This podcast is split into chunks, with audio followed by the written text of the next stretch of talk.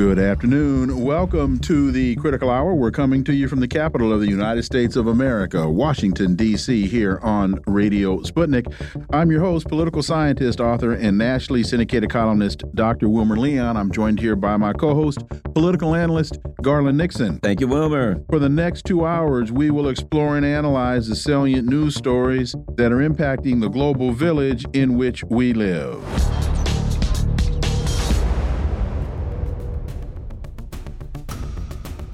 Common Dreams reports eight progressives vote against House Israel resolution that ignores Palestinian suffering.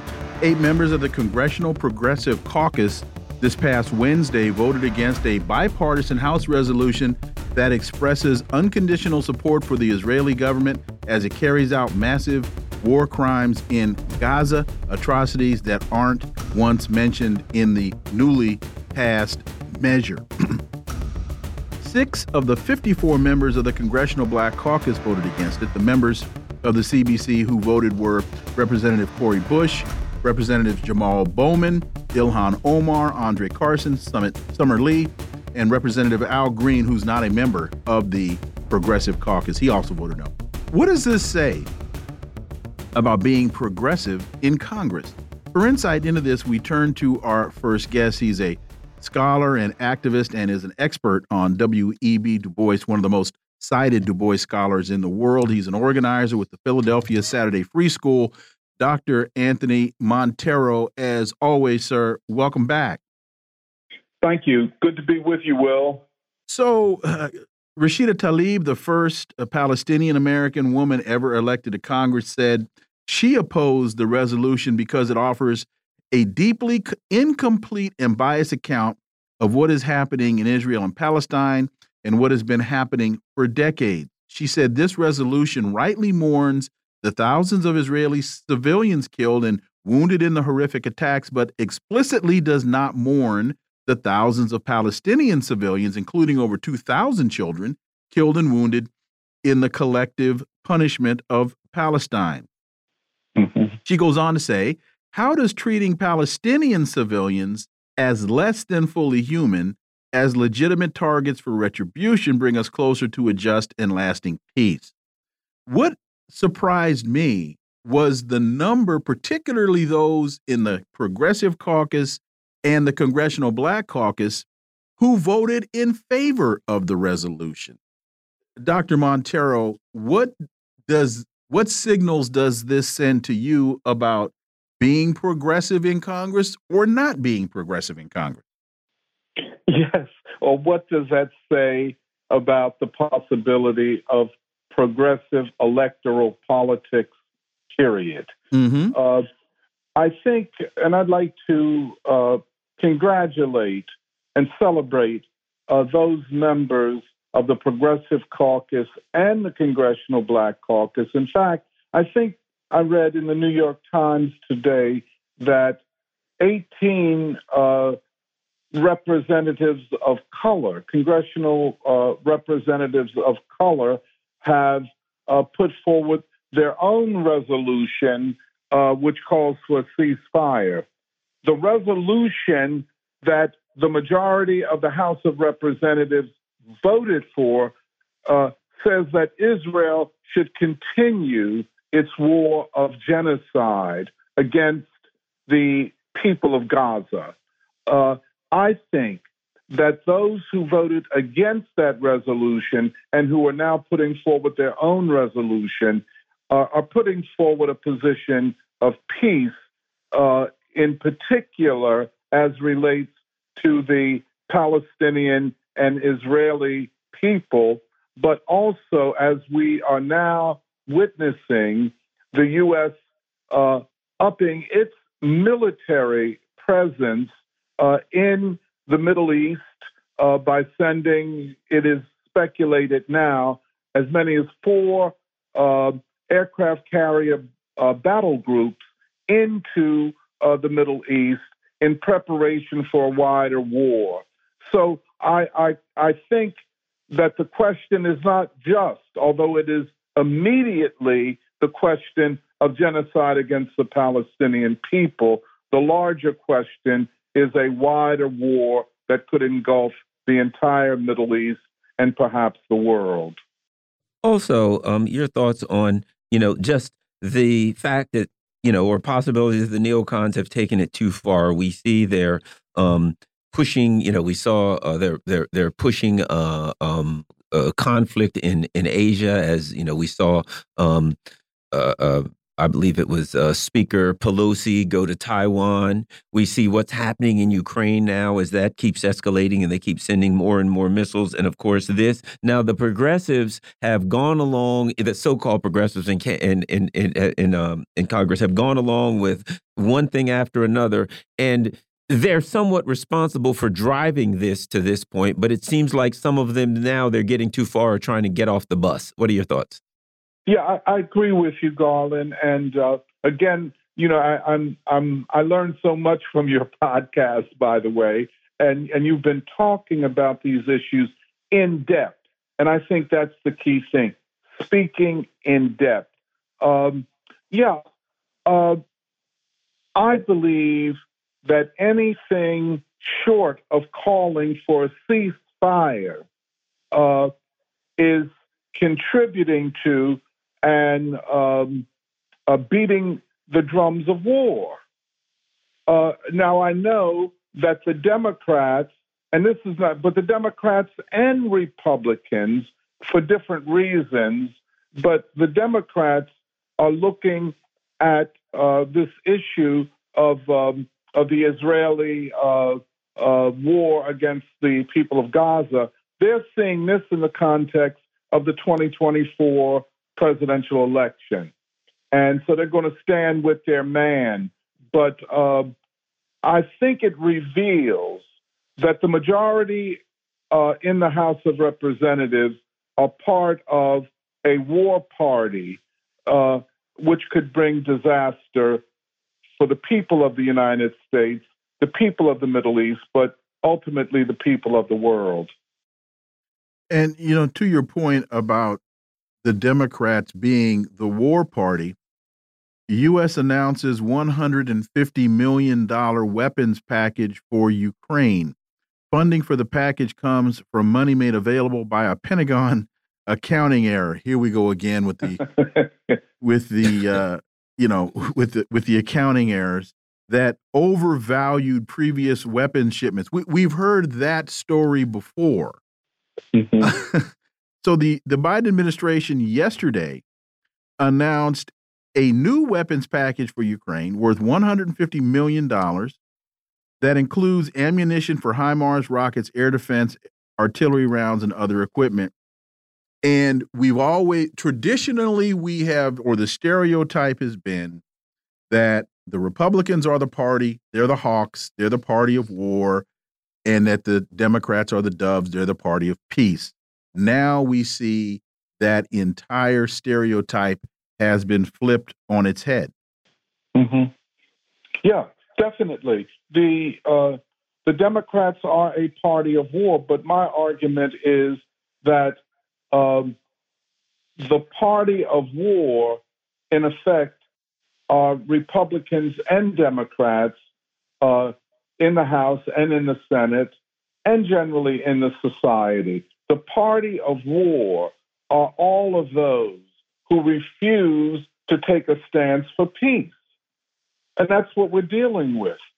Um, you know, this uh, uh Biden and those continuing to press for more aid uh, to Ukraine. Um, and, and as you know, I mean, this is a lost cause.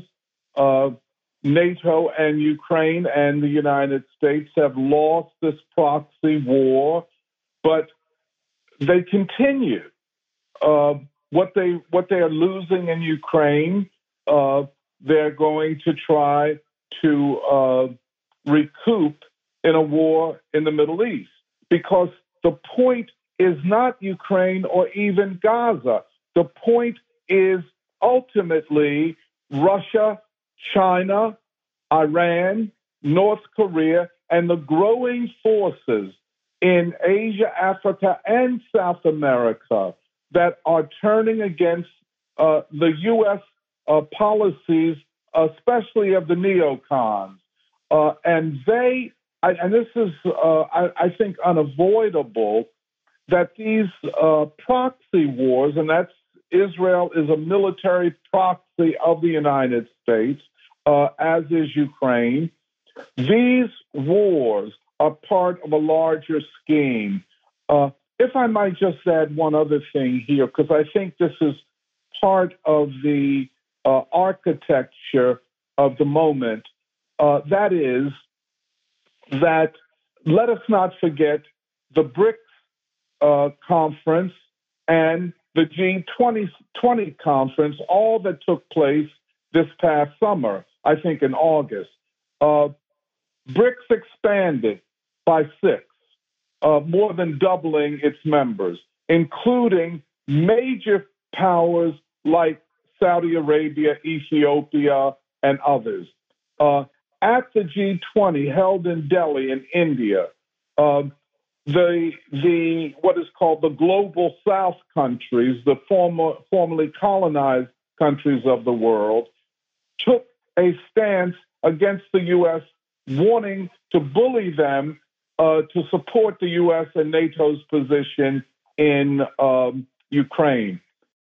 I, I think the world has changed so drastically that Israel cannot win a war against the Palestinians in Gaza. It would be a long, drawn out fight, and Israel would ultimately lose. I do not think that Israel and the United States can defeat Hezbollah uh, in Lebanon on the northern border of Israel. I do not think that the United States and Israel can defeat Iran uh, in a conventional war. And even if Israel and the United States choose chose to go to the brink and threaten um, nuclear war, even then, I think politically, the United States uh, and Israel and its Western supporters would lose. Uh, in the end, there are there is no military way out of the dilemma and the crisis of the United States.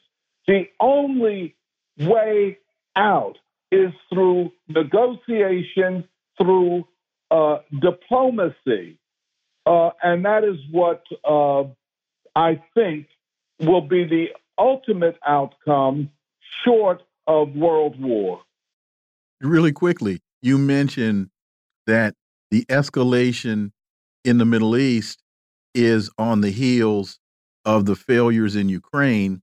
And there are those who would argue or posit that the escalation in Ukraine was on the heels of the failure of Afghanistan and was a way to try to placate those who were screaming at Joe Biden that he got out of Afghanistan too early.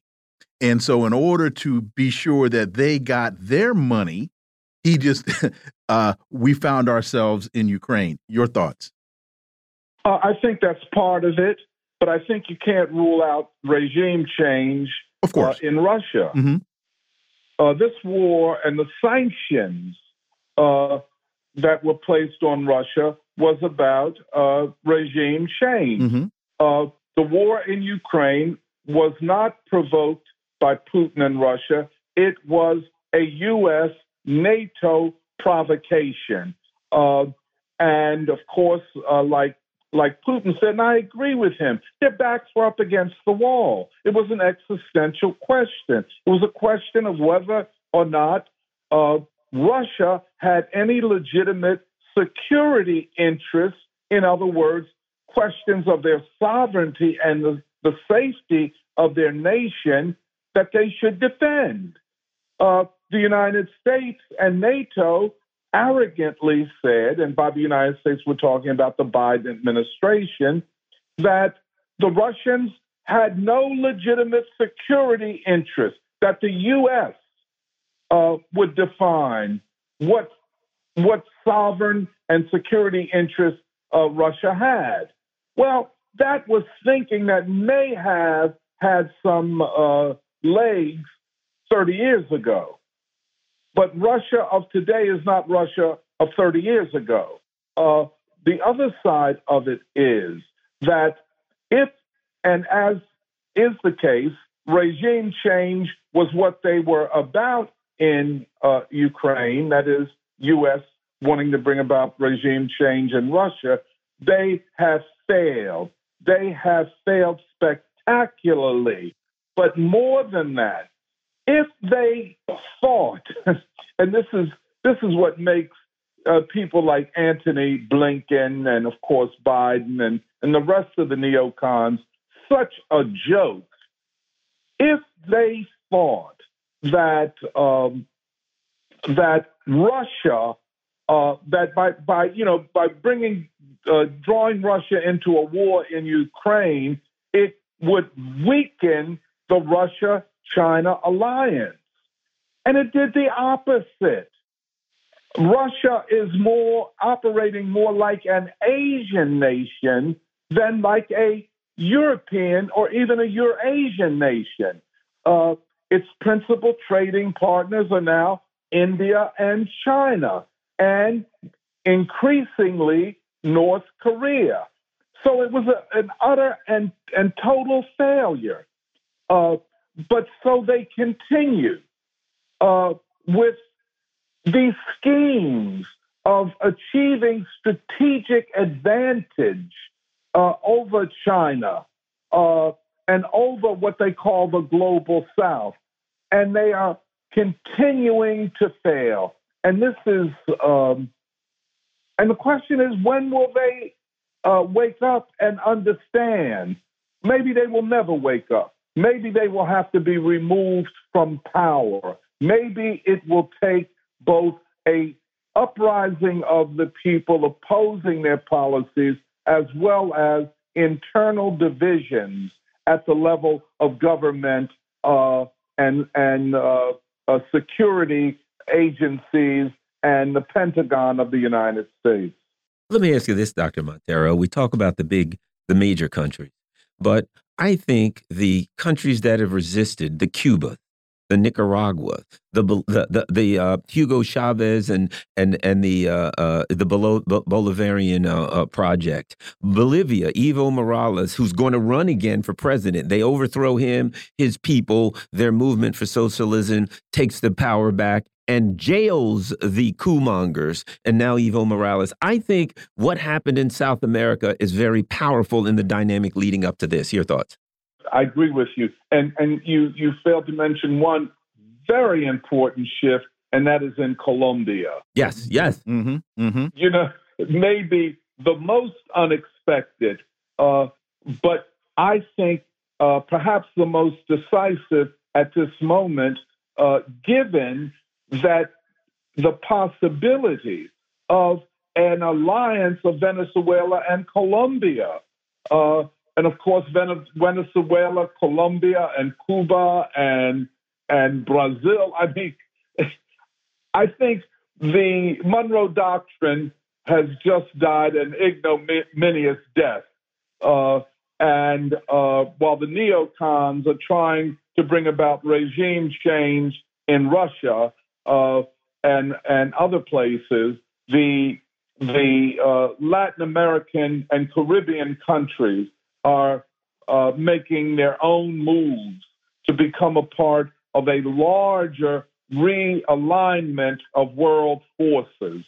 The United States is terribly isolated, and I don't think, given the policies now being pursued, the United States will ever break out of its isolation. Uh, this is affecting uh, the dollar uh, as the major currency in the world.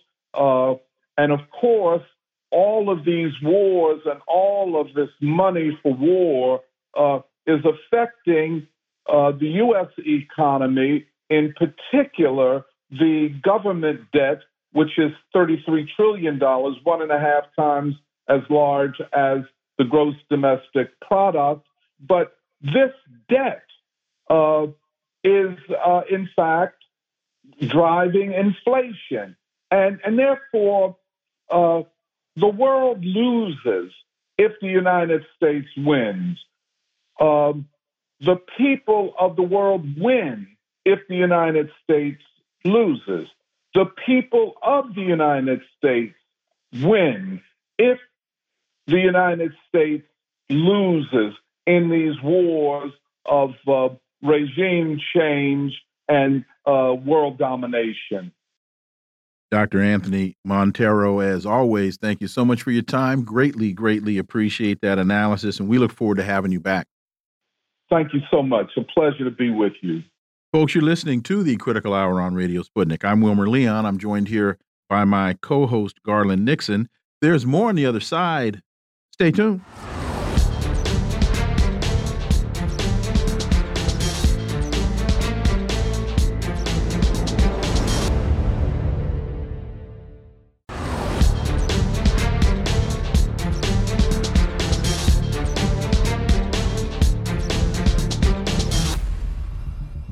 We are back, and you're listening to the Critical Hour on Radio Sputnik. I'm Wilmer Leon, joined here by my co host, Garland Nixon. Thank you, Wilmer. The Washington Post reports European bans on pro Palestinian protests prompt claims of bias. In front of Berlin's iconic Brandenburg Gate, 10,000 people rallied in solidarity with Israel. Major political parties backed the event. In a rousing speech, Germany's president heralded a national responsibility to protect Jewish life. A few blocks away, officers in riot gear moved in on a much smaller gathering where demonstrators defying a protest ban waved Palestinian flags. Some attendees were led away, their hands bound, others scattered, venting in rage. What's wrong with free speech? Well, for insight, let's turn to our next guest. He's an independent investigative journalist and author of three books The Frozen Republic, The Velvet Coup, and America's Undeclared War. Daniel Lazare. As always, Dan, welcome back. Uh, thanks for having me. On the streets of Europe, the uh, Israeli Palestinian conflict is testing some of the Western world's most basic tenets the rights to peaceful assembly and freedom of speech as well as they didn't put this into peace, but uh, the right to uh, bring grievances before the government. Your thoughts, Daniel Lazare?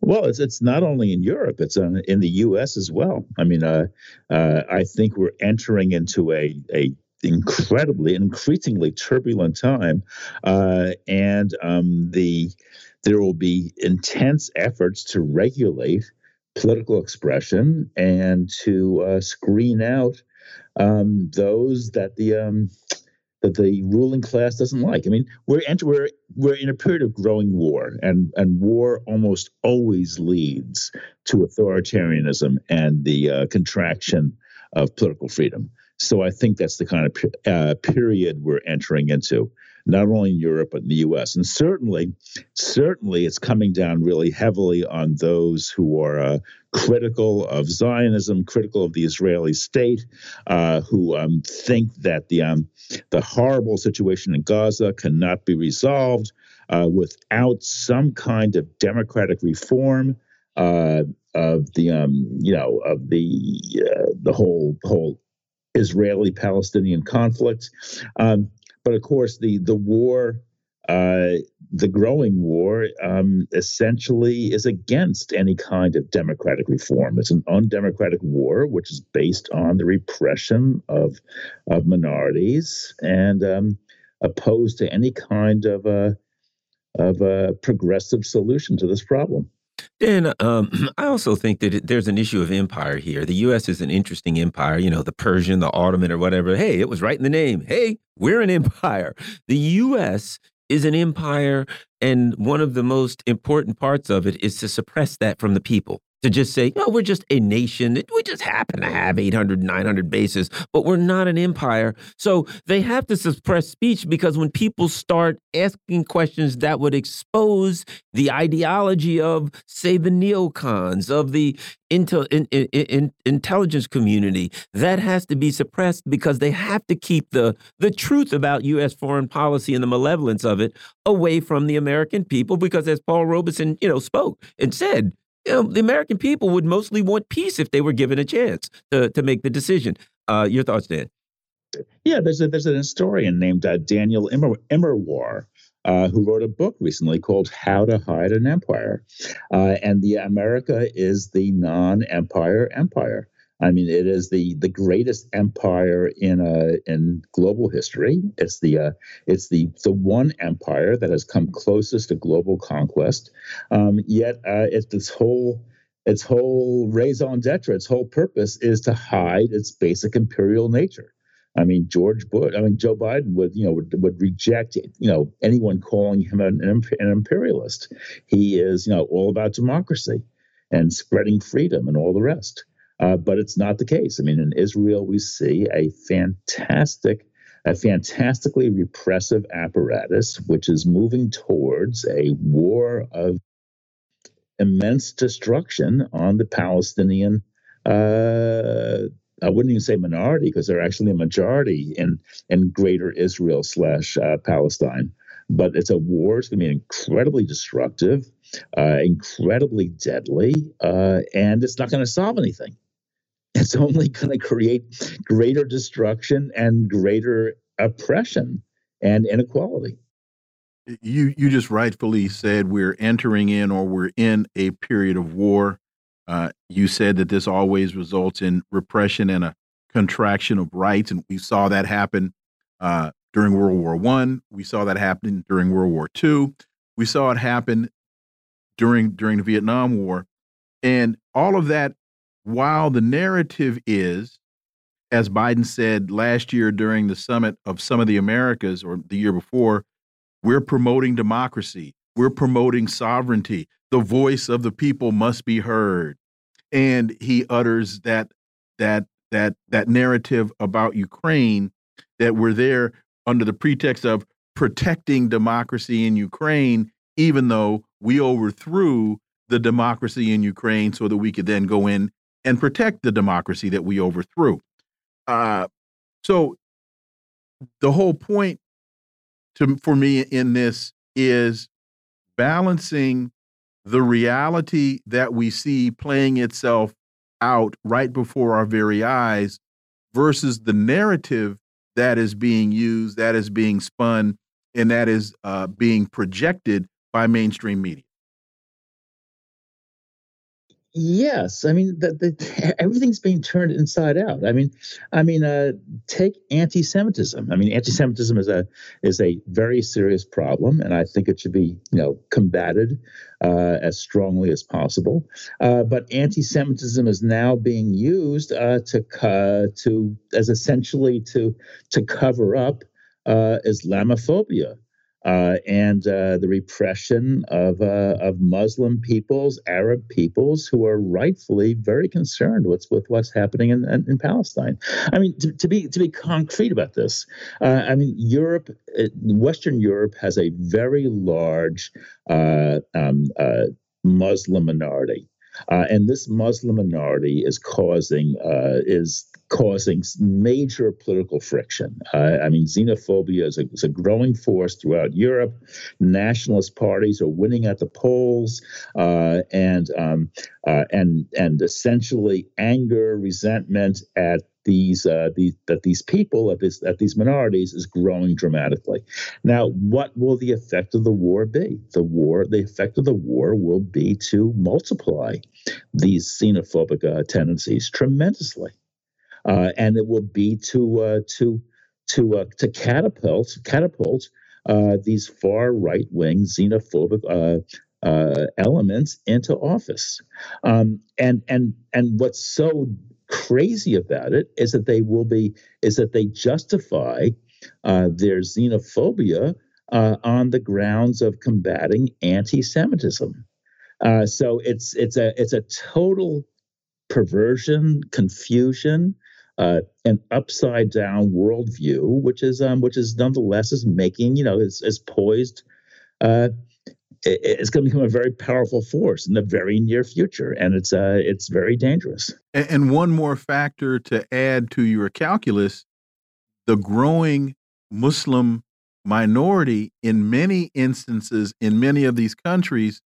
These Muslims are former former colonial subjects of the countries that they're going to. Yeah, and they're also people who were displaced by mm -hmm. by Western wars in the Middle East. Correct. I mean, Syrians, Afghans, Iraqis, uh, North Africans. These are people who have been displaced, who've been, you know, set, you know, sent into motion, made homeless by, uh, by the immense wars that the U.S. Uh, and its allies have unleashed uh, in the in the uh, in in the Muslim world. It's, it's it's incredible. So you know, so so on one hand, the West starts these wars, displaces these populations, and then gets angrier at the same populations when they wash up on their shores. Uh, it's a it's a it's a process of sort of like you know sort of throwing oneself off a cliff, and the and the and the and the the victim is going to be political democracy. No, there's something else I want, you know, since we, we were talking talking about anti-Semitism, let me ask you about this, uh, Dan. I have seen, you know, I do a lot of stuff online and I see a lot of the chats and all. I have seen rapidly growing anti-Semitism. However, here's what's interesting because I'll tell people, hey, get that stuff out of my chat. Hey, I don't I block people. I don't want to hear it see that, right? Here's what it is. It's coming from the opposite direction. Here's what I mean they look at the Biden administration and say, well, Nuland and Sullivan and Blink, blah, blah, blah, they're all Jewish and they're screwing over the United States, so I'm mad at them. They look at Israel and they say, well, you know, I don't like the fact that they're bombing the Palestinians, blah, blah, blah, or Netanyahu and Smotrich and those people who are objectionable far right wing characters, right? And so what you see is the very people who are hiding behind anti Semitism so they can do imperialist things are generating an anti Semitism themselves when people are saying, well, you know, Blinken and those guys are Jewish and blah, blah, blah. And then that then anti Semitism explodes. Anyway, your thoughts. Oh, that's an observation that I thought and I made, but I don't, I, I want to know what you think of it, Dan. And let me, let me add two other things. One is Secretary of State Blinken, when he went uh, on his last trip to Israel, he stood there and said, I am here as the Secretary of State of the United States, and I'm here as a Jew. But many will argue, and Dan, please elaborate, uh, pro or con, many will argue that the religious aspect of this is really the cover for the Zionist aspect of this. Right. That this is a political fight, and the religious aspects of this are much less significant than the political aspect. And the imperialist aspect. And the yeah, imperial aspect. Anyway, Dan, your thoughts on all of that? Yes, I mean, it's it's it's all terribly difficult and terribly confusing, and requires some really careful analysis and dissection and unraveling. That's why we turn uh, that, to that's you. why we bring Dan that's Lazare in. Dan that's Lazare what we, we know show. we're going to get that. right. Right. I mean, if, if you go back to the origins of, of Zionism, if you go back to uh, Theodore Herzl and his uh, famous uh, pamphlet, The Jewish State, Herzl stated quite ex- quite explicitly, quite plainly, that he was not opposed to anti-Semitism. This is the, this is remarkable, but it's true. Mm-hmm. He said that he that he thought anti-Semitism was a fact of life. It could not be combated and that it ultimately was caused by Jews being where they should not be, which was in, you know, the Christian world. And his solution was to harness anti Semitism as a progressive force to essentially force the separation or expulsion of Jews from Europe and North America and Russia, etc., and to encourage them to return to their homeland in the Middle East. So he was rather than opposing anti-Semitism, he uh, he said he actually supported it and wanted to harness it as a kind of force of nature. Um, and if you fast forward to, uh, to, to, today's Israeli state, you see a far right government uh, with outright fascist elements in the uh, government itself, um, who essentially uh, are using this same kind of anti Semitic Zionism uh, to enforce a highly, a, essentially a racist state, a Jewish supremacist state, uh, whose whose entire function is to, is to suppress and ultimately expel uh, the native Palestinians. Uh, so this is this is just simply a fact, and this is also, by the way, causing immense problems between Israel and the Jewish diaspora in the you know in places like you know France or Russia or the U.S. Um, remember, the U.S. is the is the home of the second largest Jewish community in the world, and if you look at polls, American Jews are actually more critical of Netanyahu than Americans are in general, um, and because his kind of racism poses you know poses a direct threat to Jews in America because American Jews know that the only way they can succeed, the only security that they can obtain, uh, lies in a anti-racial, anti-racist democracy. You know, I mean, only you know, only when you know, when racism is vanquished, can Jews find security, and can they, you know, can they can they be, you know, happy and productive? And and and that actually has been the story in the United States. I mean, you know, the United States, its its its, its record is not it's not entirely negative. Negative. It has made you know certain strides against racism, um, and uh, and and and Jews have benefited, and I don't see anything wrong with that, by the way, at all. Um, so, but but Israel, with its extreme racist approach, essentially threatens uh, that foundation for Jewish progress in the West. So you see a parting of the ways between Zionism and the and the Jewish community and the in the diaspora. But the same thing is happening in Israel itself. I mean, what future is there for the Jews in Israel? I mean, it's a country that's enveloped by war, enveloped uh, uh, by um, racism and uh, and fascism uh, you know, um, and and and and religiosity of the most backward, primitive kind. So you know, so so what future is there in Israel for the Jews? It's turning into a you know into a increasingly hostile place. And it's it's no wonder that America, that that Israel's greatest support now comes from far right Christian evangelicals like uh, Mike Johnson. You know, a guy who who you know whose views horrify you know the, those of 80% of American Jewry. But he's on the side of Israel and at the same time constitutes a, a major threat against the well-being of American Jews. And I and I don't want to by the way uh, I mean the plight of the Palestinians is at this moment is far far worse uh, so I'm not trying to say, you know, it's all about the Jews. But that is really one very important thing. Uh, you know, the crisis of Zionism uh, is, is quite acute, and that is being brought out by this war. There's also, I should add, there's also a crisis of Palestinian nationalism as well, brought out by the, the, the hugely self destructive actions of Hamas.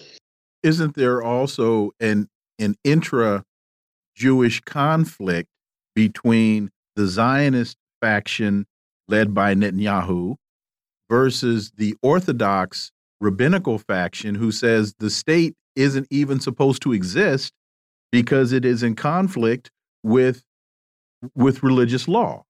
And you mentioned the um the the the the, the Christian the evangelical Christians who are in support of Israel but they're in support of Israel because they believe in the rapture, which means at the end of the day, the Jews are supposed to go away.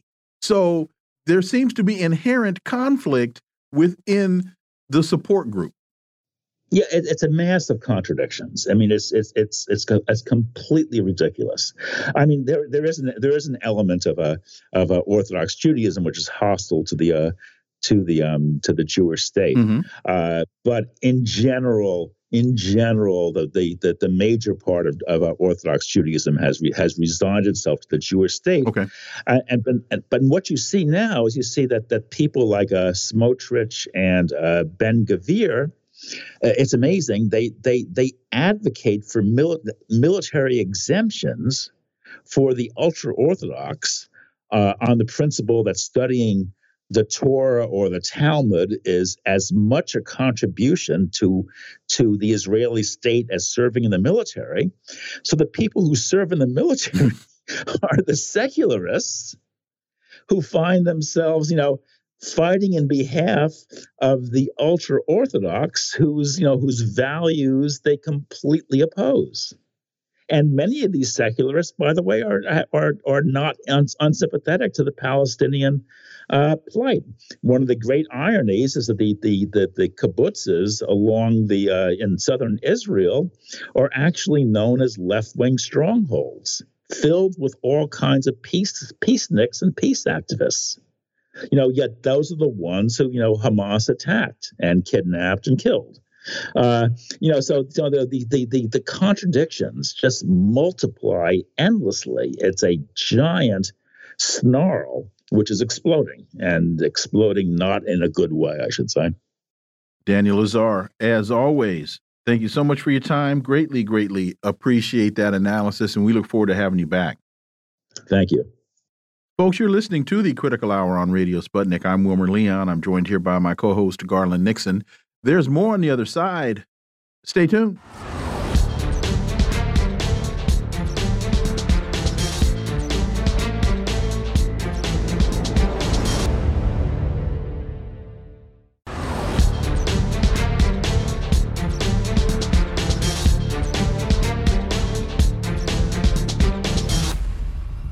We are back, and you're listening to the Critical Hour on Radio Sputnik. I'm Wilmer Leon, joined here by my co host, Garland Nixon. Thank you, Wilmer. The BBC reports Republicans got a speaker elected. Now begins the hard part. In the end, the longest House leadership conflict of modern times ended the way wars sometimes do, with both sides losing the stomach to keep fighting.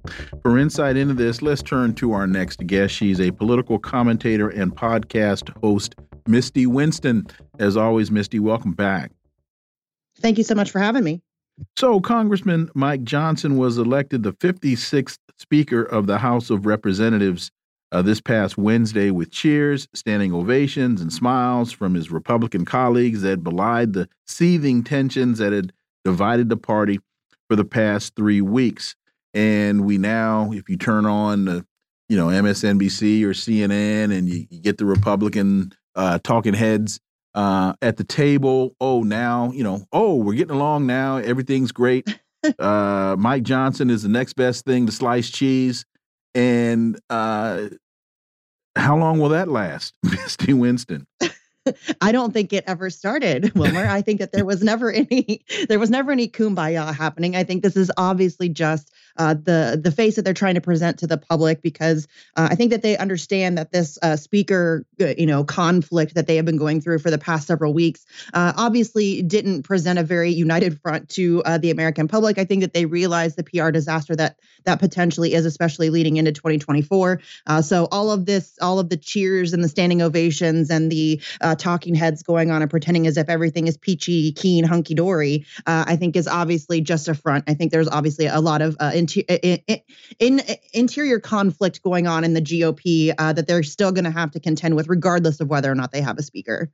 Yeah, and what we're looking at too, Misty, I think is overall, you could say the GOP had this problem, but you can also look at the at, at, look at it as a whole and say, well, this started over what Ukraine money. It started over a internal battle in the in in the um in the GOP about um, you know whether or not more money should go to Ukraine. That's what got Mike McCarthy tossed out. So really, this is a crisis of imperialism. This is a, a, a crisis of an internal argument going on over money going out to the empire. Your thoughts? Well, I think it's an internal argument. I also think it speaks to the broader uh, American public, the the the conflict that is going on. That uh, the American people are sick and tired of sending billions of dollars to foreign countries, uh, you know, to blow people up for profit. When there are people in this country who are suffering, the homelessness crisis is, about, is out of control. Uh, Lahaina in Maui is uh, still in rubble and ashes. Uh, Flint, Michigan, still doesn't have clean water. Our education system's in the toilet, uh, and we're we're sending billions of dollars to Ukraine for what? I think the American people are sick of that, and I think so. I think that the uh, the the uh, interior conflict that we're seeing in the GOP and in the political uh, class in general, I think we're seeing that across the board. Um, and I think it really just depends on which war you're talking about, because I think if you talk about China, the GOP is uh, suddenly going to be wanting to send tons of money to Taiwan. Uh, so I think it really just depends on which imperialism you're talking about when it comes to the political class. Uh, but I really think that it just speaks to the broader subject matter of the the American people and what the American people want. so what what does it say to you when, when you start to uh, unpack Mike Johnson's knapsack and they say that he used uh, faith in the campaign uh, against gay rights. And Steve Scalise's problem was that he claimed that he was basically David Duke without the baggage. Yeah. So, so what does it say when the Republican conference seems to have to go so far to the right to where you're dealing with homophobes and racists? Yeah. Well, I think a little bit of that might come from the fact that, uh, you know, this Mike Johnson, he didn't, he, as you know, I've heard mentioned several times, he didn't really seem all that, that ambitious. I don't think he really was super interested in the speakership. I think he didn't enter into it until the third round of uh, fighting here. So, so, um, he, he's, so he's made, like, he's political yogurt. Yeah. Yes, and I think that that might be a little bit why he was chosen, though, because I feel like um, mm-hmm. he's easy, he's malleable. I think he's e- probably going to be fairly easy to control. He's not going to really do much of his own thinking, most likely. Um, I do think it's disturbing that they are reaching so deep down into the right that they are coming up with somebody who is incredibly anti-LGBT uh, um, and you know other things that have come out about him. But I think honestly, it really just came from the fact that he uh, doesn't seem to be so overly ambitious. I think that they probably feel as if they can get a handle on him pretty quickly, uh, and he'll just kind of go with the flow. Now, let me say this too. I think that when you look at the GOP, when you get the further to the right, you get to the cultural conservatives. You know what I mean? Mm -hmm. That they're all about the cultural issues, right? So that being said, we're going to to the further right to the cultural uh, conservatives, and why is that? Because they hate what they consider the Mitch McConnell um, establishment people, right? Because they say, ah, they're the same as the Democrats, they're the RINOs. In its own paradoxical kind of way, this is a pushback against the establishment. Even the the cultural far right wing conservatives don't like the establishment people. I think every you know more and more groups of people in this country are looking at that yeah. the uniparty establishment people saying, you know, Pelosi and McConnell and that whole group nobody nobody likes these people anymore misty and wait a minute yeah wait a minute and what did because a lot of these folks are MAGA folks. A lot of these folks are Trump folks. And what did Donald Trump say when he was running for president? My plan, my goal is to deconstruct the administrative state. And yeah. that I think sums up exactly what it is that you're that you're speaking to, Garland. Go ahead, Misty. Well, and it also speaks to uh, the popularity of Bernie Sanders. I mean, despite the fact that Bernie Sanders is, in fact, incredibly uh, entrenched in the establishment, despite that he likes to pretend as if he's an independent, the uh, presentation that he put forward was that he is the outsider, right? He even has a book, I think, called uh, "The Outsider in Congress." I don't know what it's called, but he he has that kind of facade. He's presented that mythology about himself that he's an outsider, and I think that that we've seen that kind of developing over uh, the course of many years. Really, I think 2016 was just kind of the explosion of it. I think it was developing developing long before then. But you're right, the American public is sick of the political class establishment, and frankly, it's uh, that's uh, it, they should be. They, we're getting nothing. They don't serve us. They serve their donors. They serve the military-industrial complex. They serve big oil. They serve big tech. They do not serve the American people. And I think the American public has really started to realize that. Uh, and I think that we're we're starting to see an incredible amount of pushback, uh, uh, j- not just from you know this this type of thing in the GOP House race, but also the speakership race, uh, but also uh, just in general in the political sphere. Hey Garland, maybe maybe Bernie's book title was uh, "An Outsider's Perspective from an Insider's View." How about that? that, that would have been a good one. Oh. That would have been a good title. okay, uh, U.S. announces 150 million dollar weapons package for Ukraine. Uh, the Biden administration said yesterday that a new weapons package worth $150 million includes ammunition for HIMARS rockets, air defense, artillery rounds, and other equipment. Two, there seem to be two questions that aren't being asked publicly. One is, what happened to all the other stuff we sent them since February yeah. of last year? Oh, it's all been blown up. But I guess we just need to ignore that. And would that money be better spent domestically. Yes. Which would in turn make America safe again. Misty Yes.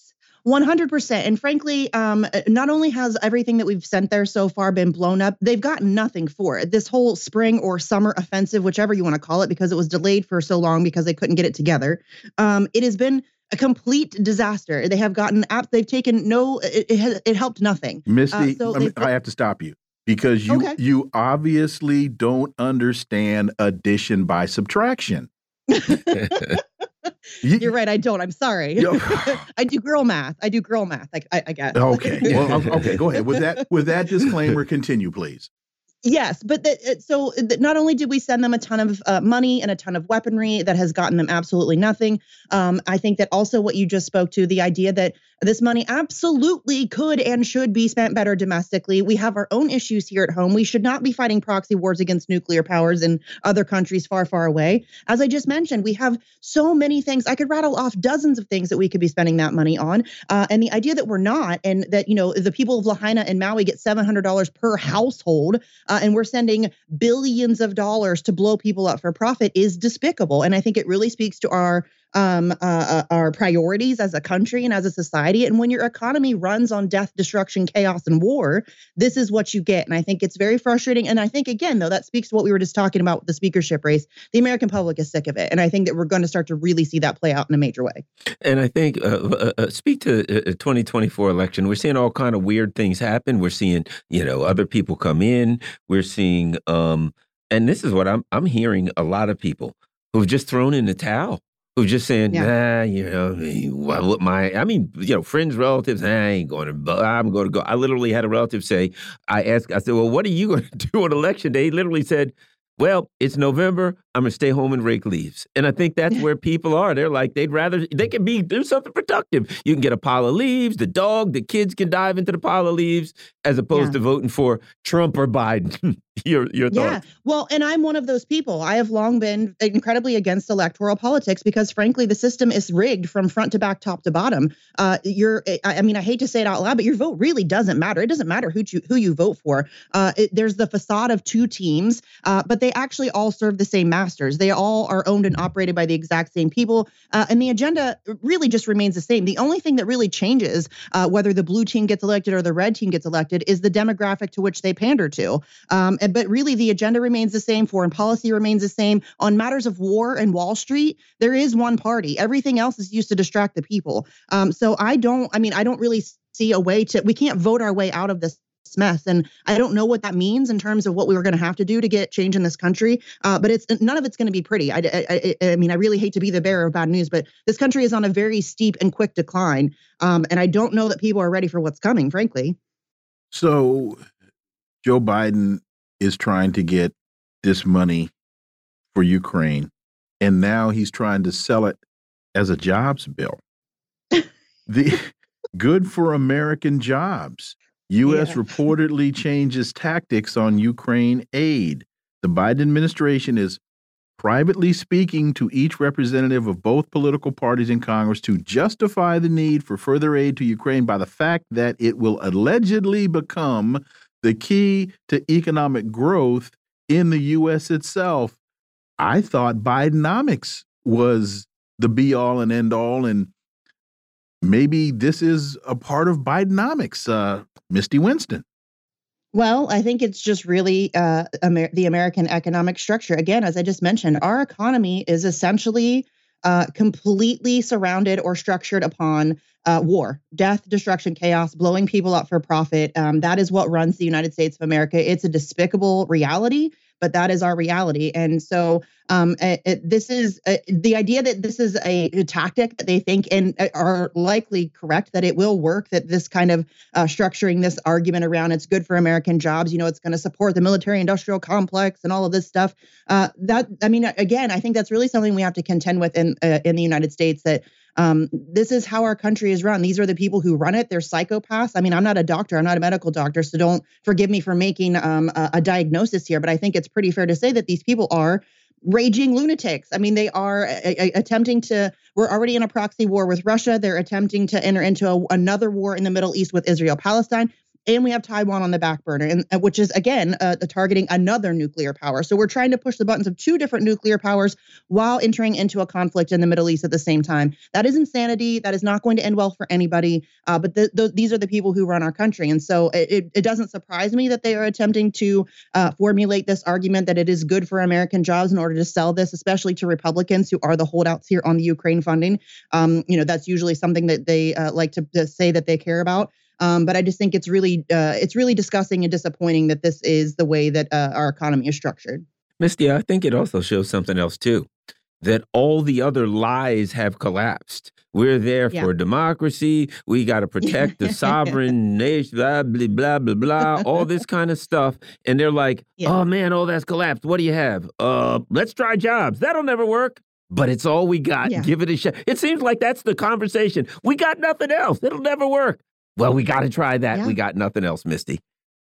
Well, I mean, yes, you're absolutely right because I mean they they tried so hard to which it was ridiculous on the face of it when if anybody that fell for that, you really need to re-examine the way you look at propaganda because there was this was never about democracy or sovereignty. You think we care about the sovereignty of Ukraine? You think we care about the people? we don't even care about the people of this country. And I'm supposed to believe that we care about Ukrainians? Come on, that's just ridiculous on its face. Uh, but yeah, the, all of that has fallen apart. Again, the spring summer offensive offensive has been a complete disaster. Um, I think that the, obviously, as we mentioned, I think the American people are starting to wisen up to the fact that this was always an unwinnable conflict that we've entered into, and it was uh, really just designed to attempt to weaken Russia economically and militarily. Um, and we were just using the people of Ukraine as cannon fodder to those ends. Um, but I think people are over it. I think people are sick of it, and so I think, especially now in an economic crisis, they're uh, this is their last ditch effort. This is their hail mary pass. Well, I guess we'll just we'll just say it's good for jobs because I think that you know that's something that they've been able to sell uh, uh, uh on a, a, host of different issues. So uh, I don't know that it will work. Um, we shall see, but okay. I think that. Sorry. Go ahead, Misty Winston. Thank you so much as always. Greatly appreciate it. Look forward to having you back. Thanks. Sorry, I rambled a little bit. Not at all. You're right on point as always. Folks, you're listening to the Critical Hour on Radio Sputnik. I'm Wilmer Leon, joined here by my co-host Garland Nixon. There's another hour on the other side. Stay tuned.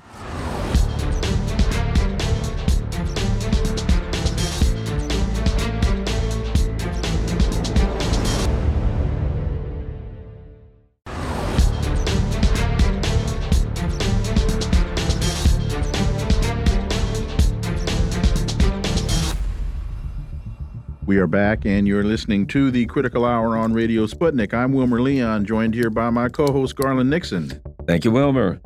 Consortium News reports U.S. declares war. Michael Brenner writes U.S. foreign policy has set the country on a course destined to lead to a world of rivalry, strife, and conflict into the foreseeable future. Washington has declared war on China, on Russia, on whomever partners with them. For insight into this, let's turn to our next guests. It's Friday, so that means it's panel time. We're joined by the host of AM Wake Up and Slow News Day, which you can watch live on Rokfin and Rumble and listen anywhere podcasts are served. Steve Poikonen, as always, Steve, welcome back. Great to be here, gentlemen. Thank you. We're also joined by an independent journalist whose work can be found at Substack and thepolemicist.net, Dr. Jim Kavanagh. As always, Jim, welcome back. Thank you again. So, uh, Michael Brenner continues that quote unquote war is comprehensive. It's diplomatic, financial, commercial, technical, I'm sorry, technological, cultural, ideological. It it implicitly fuses a presumed great power rivalry for dominance with a clash of civilizations the U.S. led West against the civil the civilizational states of China, Russia, and potentially India.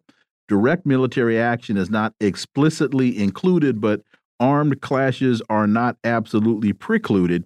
They can occur via proxies, as in Ukraine. They can be sparked by Washington's dedication to bolster Taiwan as an independent country. I thought that that analysis was incredibly insightful, particularly talking about the comprehensive nature of it being diplomatic, financial, uh, commercial, and technological, except I don't know how much diplomacy is actually at play here. Let's start with you, Dr. Jim Kavanagh.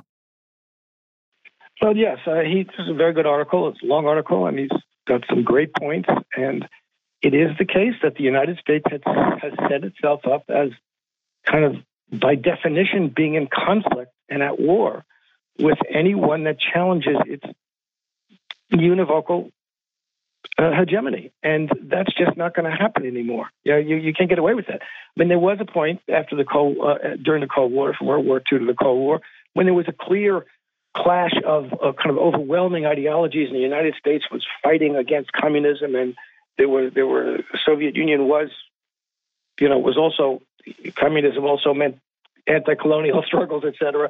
So there was all kinds of fighting about that, but there was kind of grand ideology. Now you have this grand fight. Uh, in the United States, since the demise of the Soviet Union, felt like, oh well, now we are on top of the world, and we're always going to be. And it's turned out that's not the case, and they really can't stand it. And they don't have this overarching generalization anymore that they can rely on. So they have to kind of make up fights about, uh, uh, you know, autocracy versus democracy, which are patently ridiculous, and you know, cartoon villain out of make cartoon villain out of Putin and uh, lock up the uh, CEO of Huawei because they just have strong countries who's develop, who have gained economic and military strength and will not be pushed around and will not uh, be be be, uh, uh, client populations, client countries within the American so-called uh, rules-based order, which is we make the rules and you follow our orders. They're saying we we deserve to be treated as respectful equals, and we're not just going to sit around and uh, follow your orders and listen to your preaching.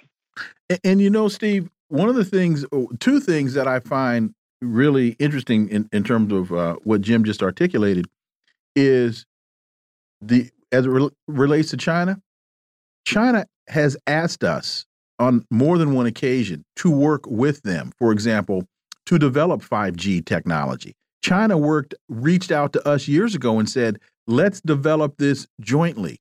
The United States response was, "Go pound sand." I, I, I remember reading that President Putin said at one point, I thought that Russia would be able to join NATO. And uh, they uh, uh, shuttle our, our people up to the International and, Space Station and, and that and, kind of stuff. And, with the, and the Chinese. And now we kicked the Chinese out of the space station, so they built their own space station. so, so, so my point is that we seem to be, I guess it would be uh, snatching conflict out of the jaws of cooperation. Oh yes, and that's just that's because that's the overriding neocon both foreign policy doctrine and apparently tenets of faith is that it's the Highlander approach to geopolitics. There can be only one major power. That power has to be the United States. All other nations must be subordinate or must be eliminated because they, they represent an existential threat to uh, the proliferation of the republic, and that's how these people think. Uh, so if you're that deep into your zealotry, you wind up sounding like, for example, Nikki Haley. Uh and I really, I'm, I'm hard pressed to think of even Bill Kristol. Like Bill Kristol dreamed of being as fervent as Nikki Haley currently is with her desire to make neocon policy manifest. And so while we're engaged in this sort of um, full spectrum, you know, fifth generation warfare campaign throughout the entire planet, what that looks like at home is something that we didn't even see. You got, hey, correct me if I'm wrong, because we were all there and we were all, you know, remember it, lived through it. But I don't remember this sort of preemptive clamping down of dissent uh, in terms of the Israel, you know, uh, situation in occupied Palestine. It wasn't like that in the run up to 9 11, or at least in the run up to the Iraq war and the run up to the war in Afghanistan. They weren't clamping down on dissent that hard because I think everybody was still in shock. But now we're on this preemptive first strike censorship campaign domestically that completely ties in with the overall full spectrum dominance military agenda. You know, Steve, I, I, I, would say that the United States wasn't clamping down on dissent in the lead up to Iraq because the United States wasn't scared. They, the United States did not feel that they were uh, engaging with a adversary that was worthy and could threaten and challenge the the United States only ramps up its restrictions on civil rights and civil liberties when it is fearful that the opponent that it is trying to vanquish could actually kick its behind. And now it finds itself up against Russia and finds itself up against China and finds itself up against Iran. And I think they got some folks in the Pentagon that are saying, Houston, we have a problem. And now with that, internal dissent cannot be tolerated because that will act like a cancer and corrode it from within.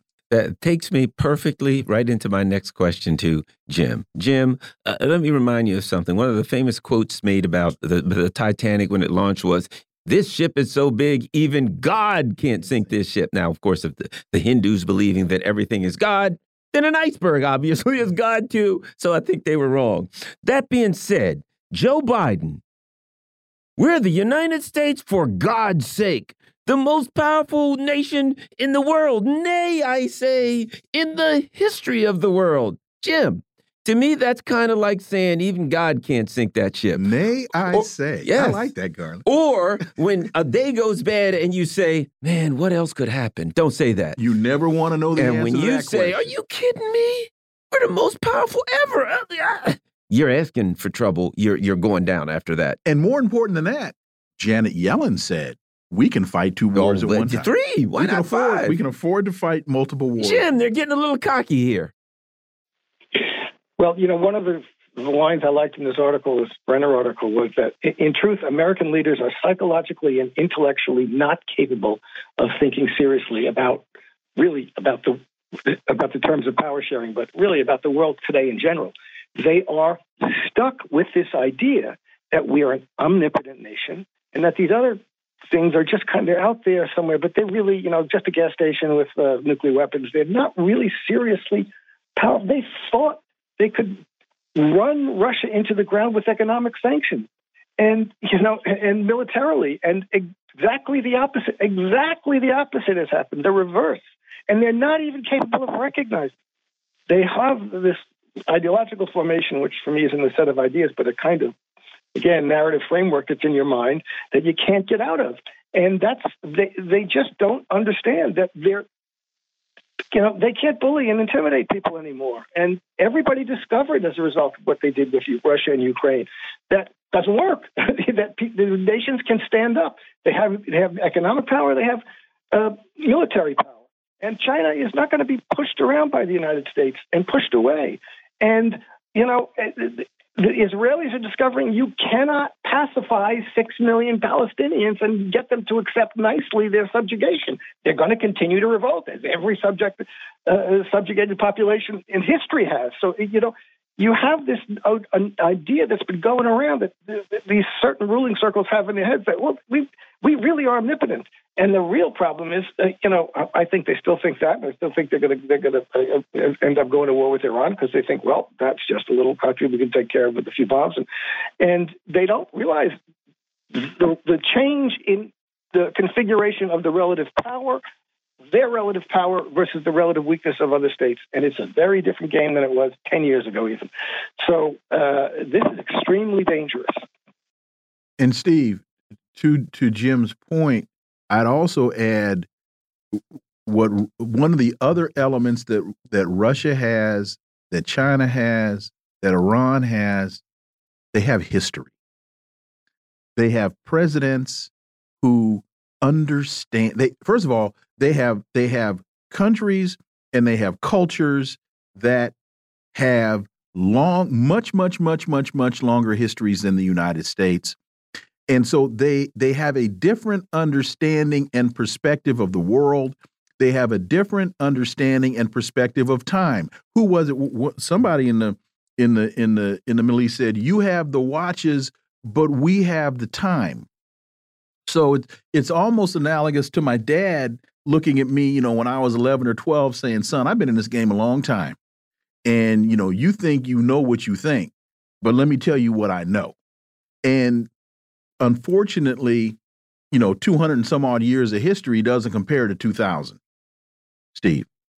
No, it doesn't, and and you don't you you know you don't have to make a case to me this is the last gasp of the Khazarian mafia that we're watching you know play out over a scale of centuries. But uh, we're uh, we're at the point now where where reality is really rubbing up against the rhetoric and the reality is the United States is not capable of sustaining war on multiple fronts for an extended period of time in any sort of conventional warfare sense we're trying really hard to escalate it to only you know fifth uh, fifth dimensional warfare information warfare and warfare conducted via drone. But what you forget with that is that even if you compromise the government of a foreign population, the leadership to a certain degree, you're not compromising the rank and file citizen on the ground. And everyone has had an extended period of time to stand there outside their own door, take a look around, and see the actual real time effects of a collapsing U.S. empire.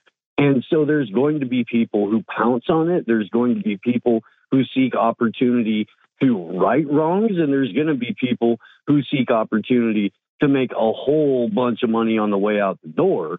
And, and I think that uh, the tech sector and the pharma sector are going to be leading the the 500 yard dash to the door on that one. Let me follow up with Jim on the on the history point because in the West we have this perception or this misperception. You know, when we say, you know, this isn't over, well, that means that you can expect a response within the next 15 to 20 minutes.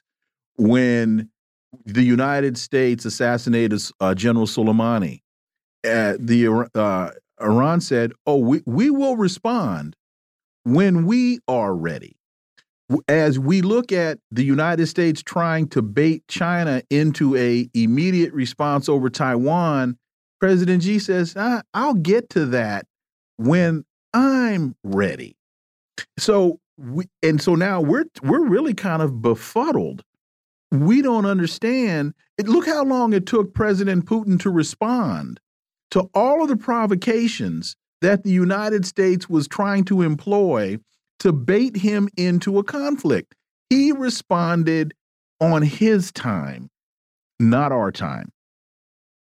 Well, yeah, that that that the little quip that you said uh, you have the actually we have the time was from a Taliban commander. Okay, supposedly. So it's a perfect example. Uh, and you know, yeah, and this is one of the things that uh, you know the, the, whole idea this this notion that we're not intellectually or psychologically capable. It, they don't understand uh, the depth and profundity and and uh, of how to you know of of structures that are in place and how they're changed and how they're not changed and what you can do about them. American thinks you can change things with a quick technological or military fix. And that's not the way it works. And it never has. And it's failed every time you tried to do it. It might have succeeded for five or 10 years or 20 years in Afghanistan to succeed, but it looked like it might, but then all of a sudden it collapses. So, you know, and look at the way that the, the Chinese, uh, Xi and Putin are, they're not just diplomats, but they have a sense of what diplomacy is and what history is and how you deal with things and how you have to approach problems. And even look at the way that the Russians have fought the war. in, in not just not just that all went up to the war and they're trying to prevent the war and they're going to Minsk Agreement one, Minsk Agreement two, and then fighting the war. They didn't go for shock and awe. They didn't do what the Israelis are doing in Gaza.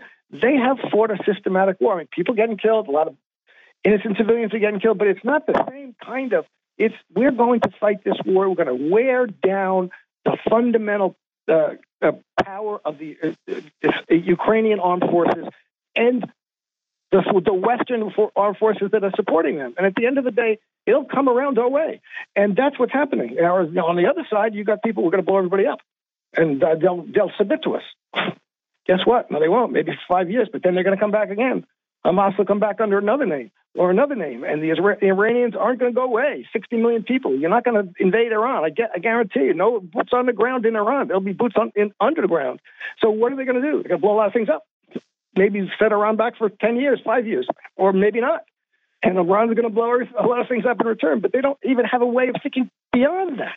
It's so so horrible and and uh, frustrating. You know, Garland, in, in listening to Jim, it, it just came to mind in in thinking about the attack the approach of Russia in Ukraine, they are, and looking at the approach of Hamas, they're not only confronting you physically, they're or militarily, they're confronting you psychologically. I want not only to defeat you mano a mano, I want to defeat your will to confront me so that 15 years from now, when somebody in your country says, you know what we ought to do today? Somebody's going to say, you know what? You don't want none of that smoke. You don't want to mess with them. Look what happened the last time we did this. So, again, having a sense of history. On October 16th, the Russian Federation introduced a draft resolution at the UN Security Council calling for an immediate, durable, and fully respected humanitarian ceasefire in Gaza. In hopes of getting it passed, they avoided placing blame on either Israel or Ham Hamas. I'm going to uh, skip all the rest and I'll get to the last sentence. U.S. Ambassador Linda Thomas Greenfield objected that the Russian resolution failed to condemn Hamas. They didn't say the right thing, but they were trying to save lives and stop a war from spinning out of control that could cost all of us our lives. And yet the U.S. said, oh, no, we can't have peace. For goodness sake, that, that we can't have peace break out. Your thoughts, Steve? And, and, and Steve, Joe Biden said a ceasefire only benefits Hamas. Well, yeah. I mean, he also said the last time around that a ceasefire only benefited Putin. How good point. Ceasefires yeah. only benefit the people that we're ostensibly going to war against. It, it, it's wild how that works. This is this is insane. That that the U.S. ambassador would say, "Look, I was ready to sign off on a ceasefire and, and stop the senseless murder of innocent women and children, but you guys you guys didn't say today's phrase that pays. I'm sorry, you're caller number six. If you didn't say Israel has a right to defend itself, we're not allowed to move forward. We'll see you next time. That's that's crazy. Like, we we also it's mind boggling. I want to make one quick point about the previous conversation, real quick, though. The oligarchs in the United States aren't the face of the government. The oligarchs in a lot of other countries are the face of the government. Oligarchs are excellent students of history. The puppets that we have in here have been brought up on a U.S. history that celebrates its own exceptionalism and merit and hubris. And that's why they don't understand a freaking thing when they walk into these other rooms anymore, because we don't have genuine historians in positions of perceived power. Where where we're at with the UN thing, though, it, um, is just it, it's it should be it should be an international outrage, and I honestly can't believe that it's not. Jim, also what we're seeing happen in the in the UN is all of the countries of the world, with a few exceptions, are starting to come together and say, "Hey, wait, whoa, whoa, U.S., you pushed it too far." Uh, we, we, you know, we're we're remember we were going to isolate President Putin. I think we're getting isolated, Jim. Oh, we were. Oh, we were also going to turn the ruble into rubble. Yeah, exactly. Yeah, Jim. Well, exactly right. The attempts to isolate Putin and China are turning into the isolation of the United States is isolating itself in a box. And one of the things that, that, that the United States and Israel are going to be are very uh, re- afraid of in this circumstance is that Russia and China are going to come in and take over, or at least push the United States out of its, you know, center seat, its its chairman seat on in the diplomatic process because everybody in the world sees now, and there's no hiding the fact that the United States is no neutral arbiter.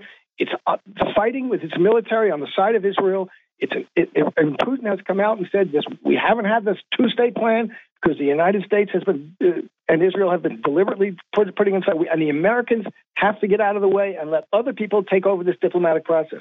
The Israelis will, are terrified of that because unless it's the Americans who run the diplomacy, they know what's going to happen, and uh, the Americans are terrified of that because it means their defeat in a profound way in, in, in, the, in the world. If they're they're no longer in, in the, the, captain's chair of diplomacy, which they they can't be anymore.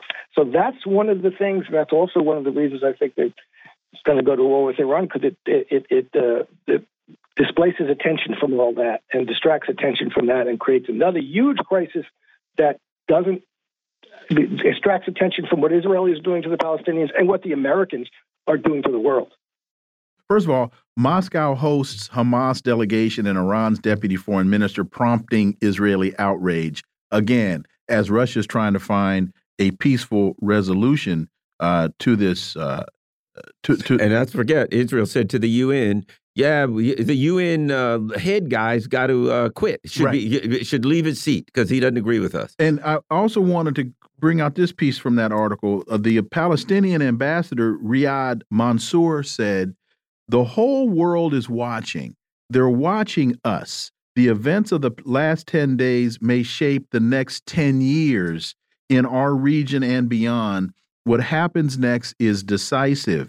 If anyone thinks this is a situation under control, America, for which you can plan and implement, they're making false and irresponsible assumptions. This is the kind of war where you know how it starts, you have no clue how it ends. I think that's incredibly profound analysis based on history. And Steve, he's and and and, and uh, at this Israeli bases in what Eritrea in Africa just got attacked. Just got attacked, and Iran said uh, last week, Israel, you run out of time. Steve Poikonen. Well, and just about an hour ago, Iranian outlets were reporting that Israel uh, had pushed the button on their full on ground invasion operation. They've been dropping bombs nonstop. The ground invasion is expected to follow. The U.S. reacted to all of this at the UN General Assembly by bombing Syria last night. I guess they were given the Israeli Air Force the night off because they had to prepare to go do tonight's bombing run.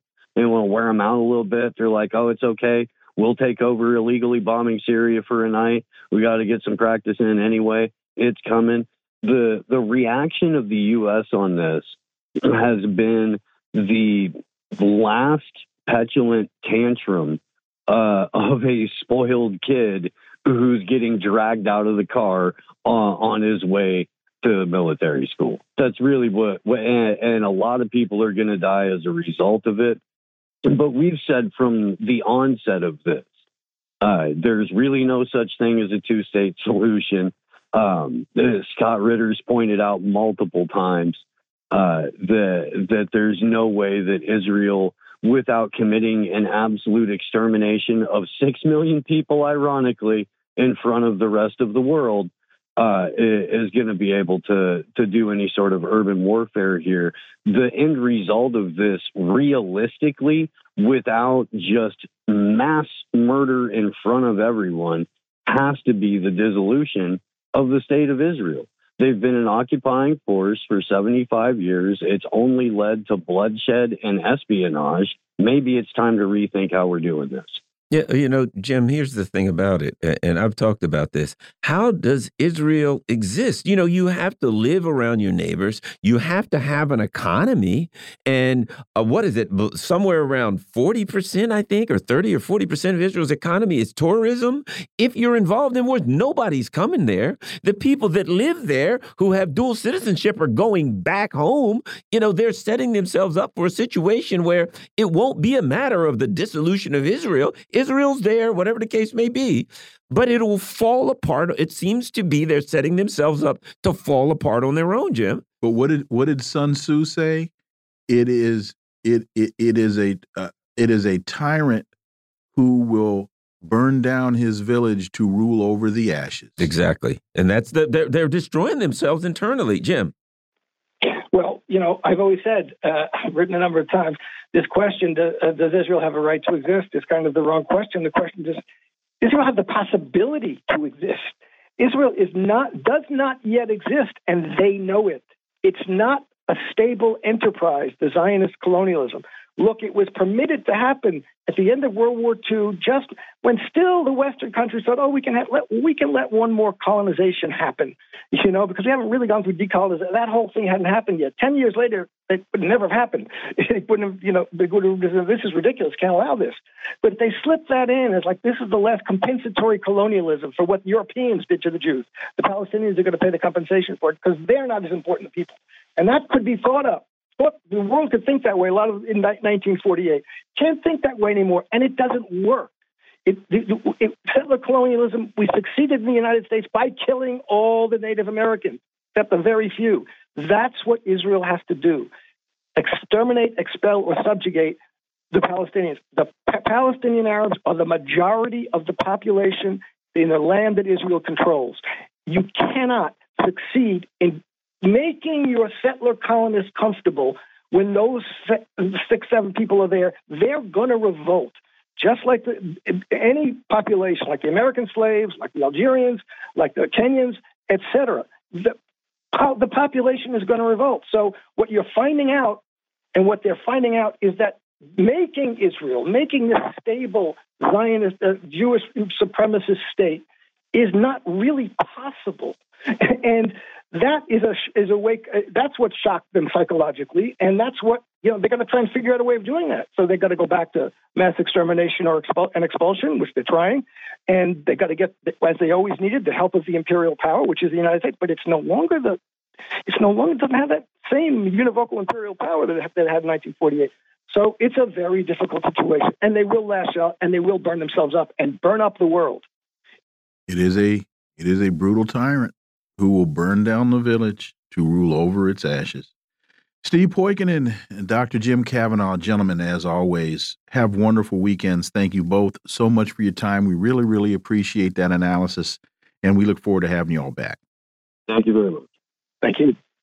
Folks, you're listening to the Critical Hour on Radio Sputnik. I'm Wilmer Leon. I'm joined here by my co host, Garland Nixon. There's more on the other side. Stay tuned.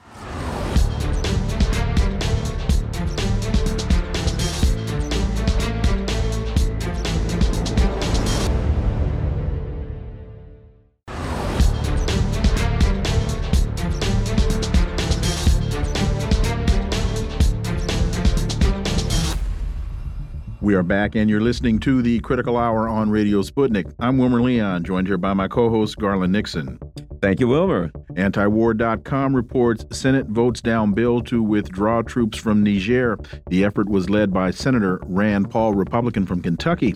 The Senate yesterday, the Senate yesterday rejected a bill that would have directed President Biden to withdraw all U.S. troops from Niger, where a military government has been in power since January, July 26th that removed former President Mohamed Bazoum. What are we to make of this?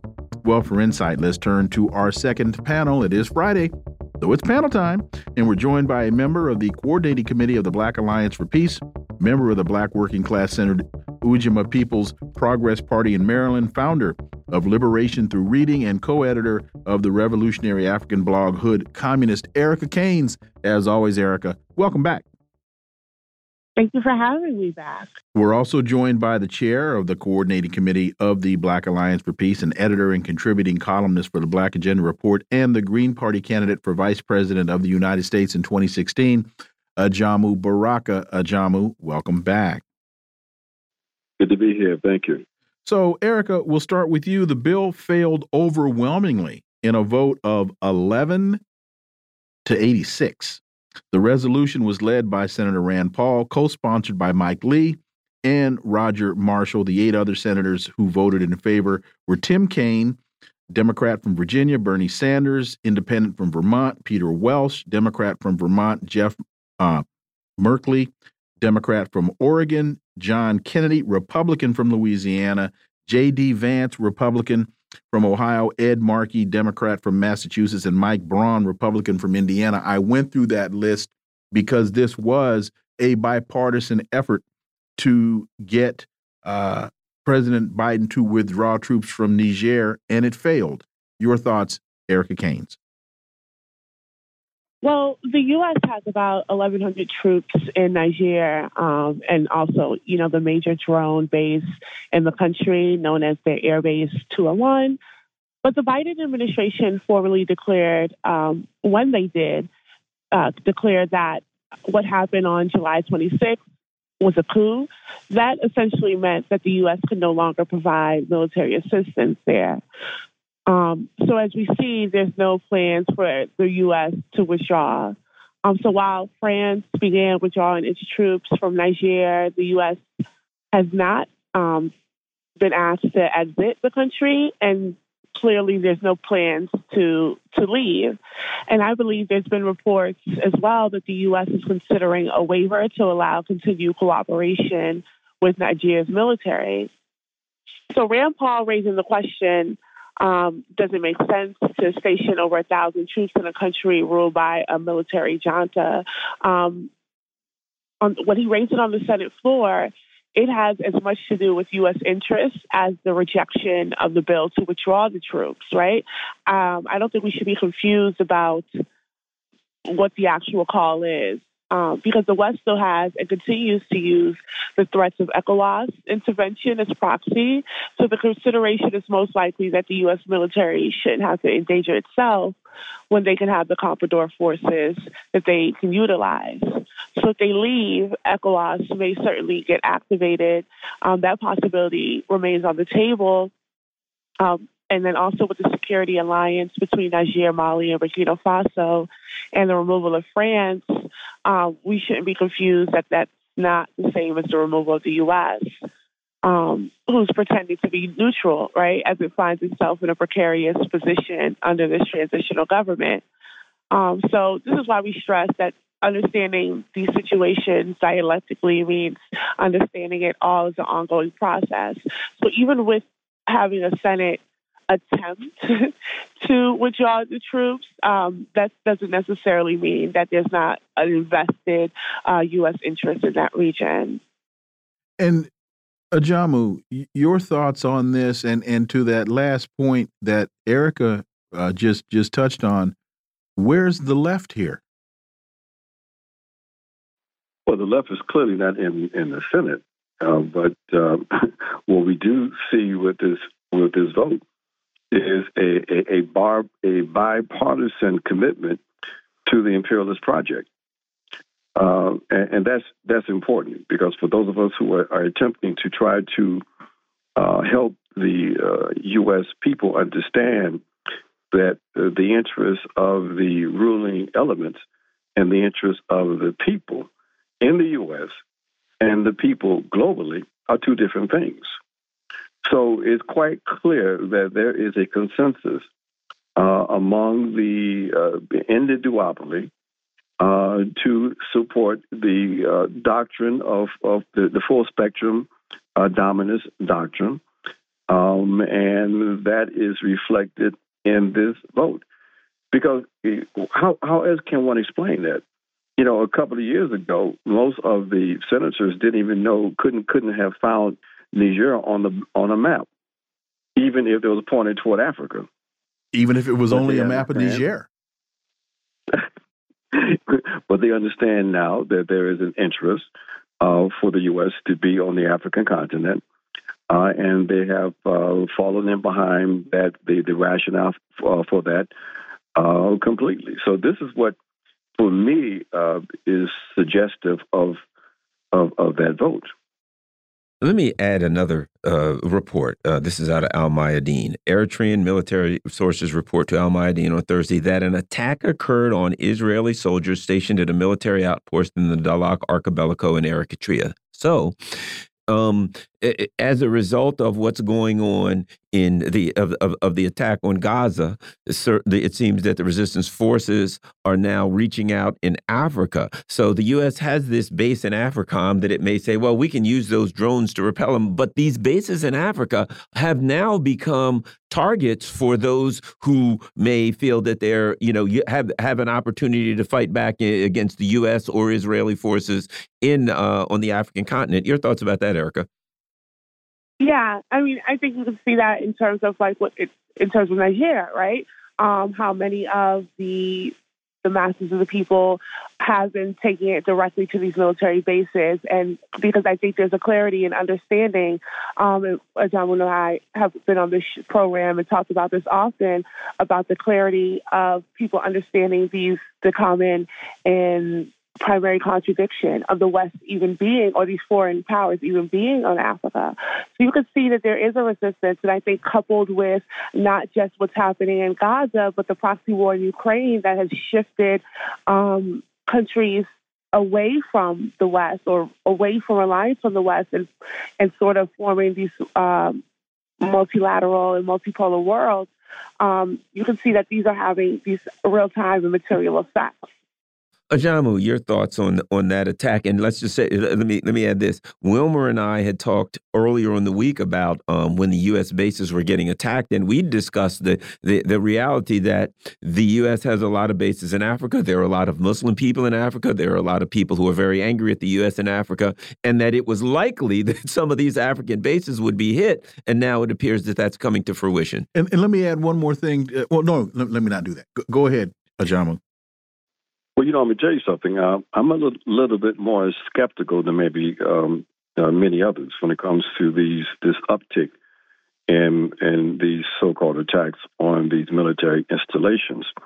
We might want to recall, and we, I think we talked about it on this show, that when you have the uh, military seizing power in Burkina Faso, on the, and this is on the heels of the French being pushed out of Mali, all of a sudden there was this uptick of increased uh, military operation on the part of the so-called jihadists um, in in Mali and other parts of the of the region.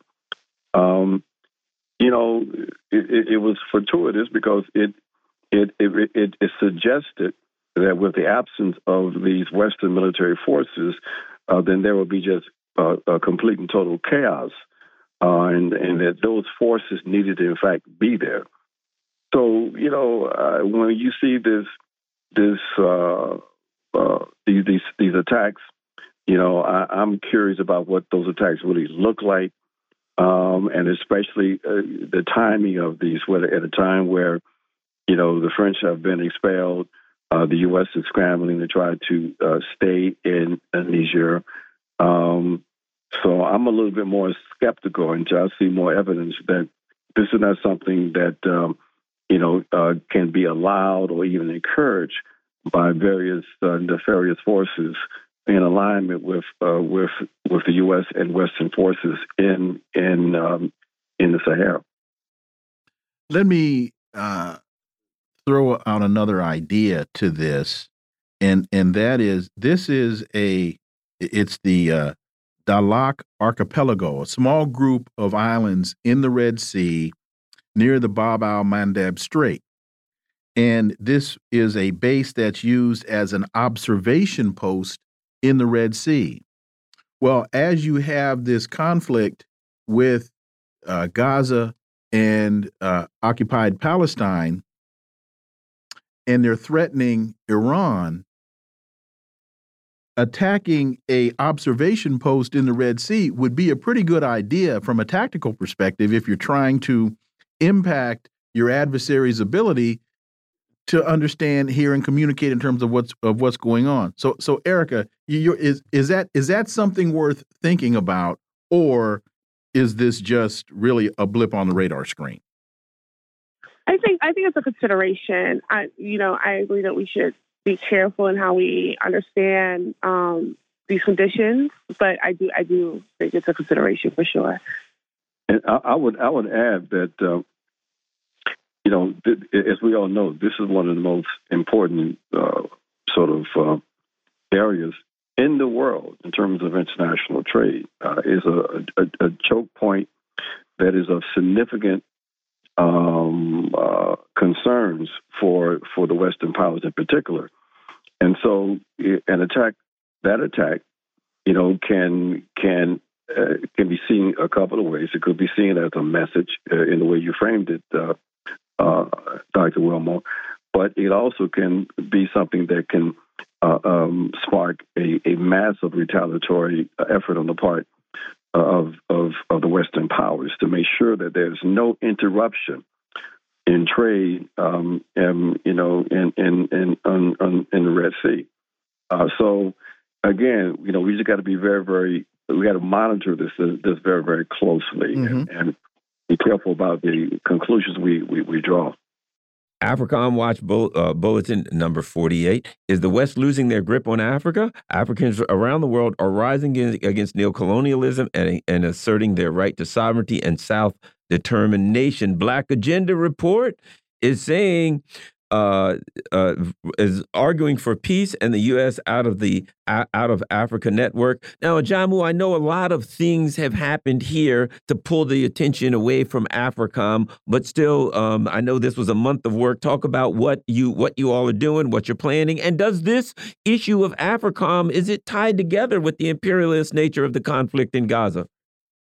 Well, of course it is. I mean, uh, so this we are in we are in we are going toward the, the end of this month of action uh, on uh, AFRICOM, attempting to bring attention to the existence of this uh, command structure on the African continent um, and connecting that uh, awareness to you know the activities that the U.S. Uh, is involved in, including the controversy around this uh, this base in Niger and the U.S. presence in Niger.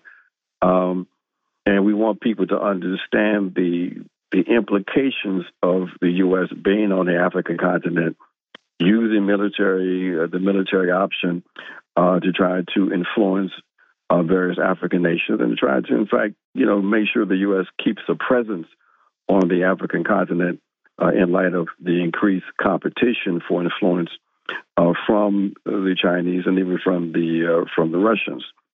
Uh, and so, you know, the the connection that one can make uh, uh, also is that you know this uh, desperation almost that we see from the from the U.S. and other Western powers utilizing the military option. we see it on the African continent, and we definitely see it uh, with the response that we see in Gaza, and the fact that uh, you have the U.S. not only, you know, continually uh, providing support to uh, to Israel, uh, but just yesterday now they have in fact brought in directly U.S. military forces. what they are, are to do remains to be seen, but it's quite clear that the the the path toward diplomacy, toward a, a resolution of the occupation is something that the U.S. just does not seem to be committed to. That's why they have the State Department instructed um, their their their ambassadors and and when and the Democrats, you know, put out put the word out that they were going to avoid using you know loaded terms like ceasefire. Uh, and we see the same thing um, that happened with Ukraine. So this military option um, that they are have have embraced, you know, is is is something that they seem not to be able to to drop, even when the conditions seem to change in a way that the militarism that they have embraced seems counterproductive to their own interests. Erica, there's a uh, the Africa Watch bulletin asked the question: Can the role of ECOWAS and even Kenya and Haiti help advance the political education of the masses around neocolonialism, or as some say, imperialism in blackface? And the answer is yes, we can use these events as examples to explain neocolonialism. However, our political education must go further. Uh, we were talking about ECOWAS in an, in an earlier part of the conversation, and tie this what we're what we're seeing play out right now. Tie this to the United States doing its best to buy Kenya to go in and pay them to go in to uh, Haiti on in, in in furtherance of U.S. colonialism. Yeah, well, um, neocolonialism is just a more sophisticated form of colonialism, and it's practiced by imperialist powers.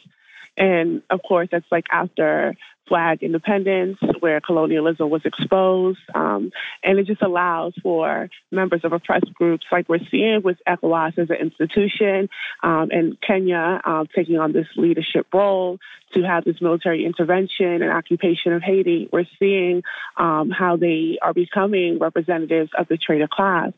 And in context of Haiti, I think even with what's happening in Palestine, I think all of these things put the colonial question or how people understand colonialism and furthermore neocolonialism on its face.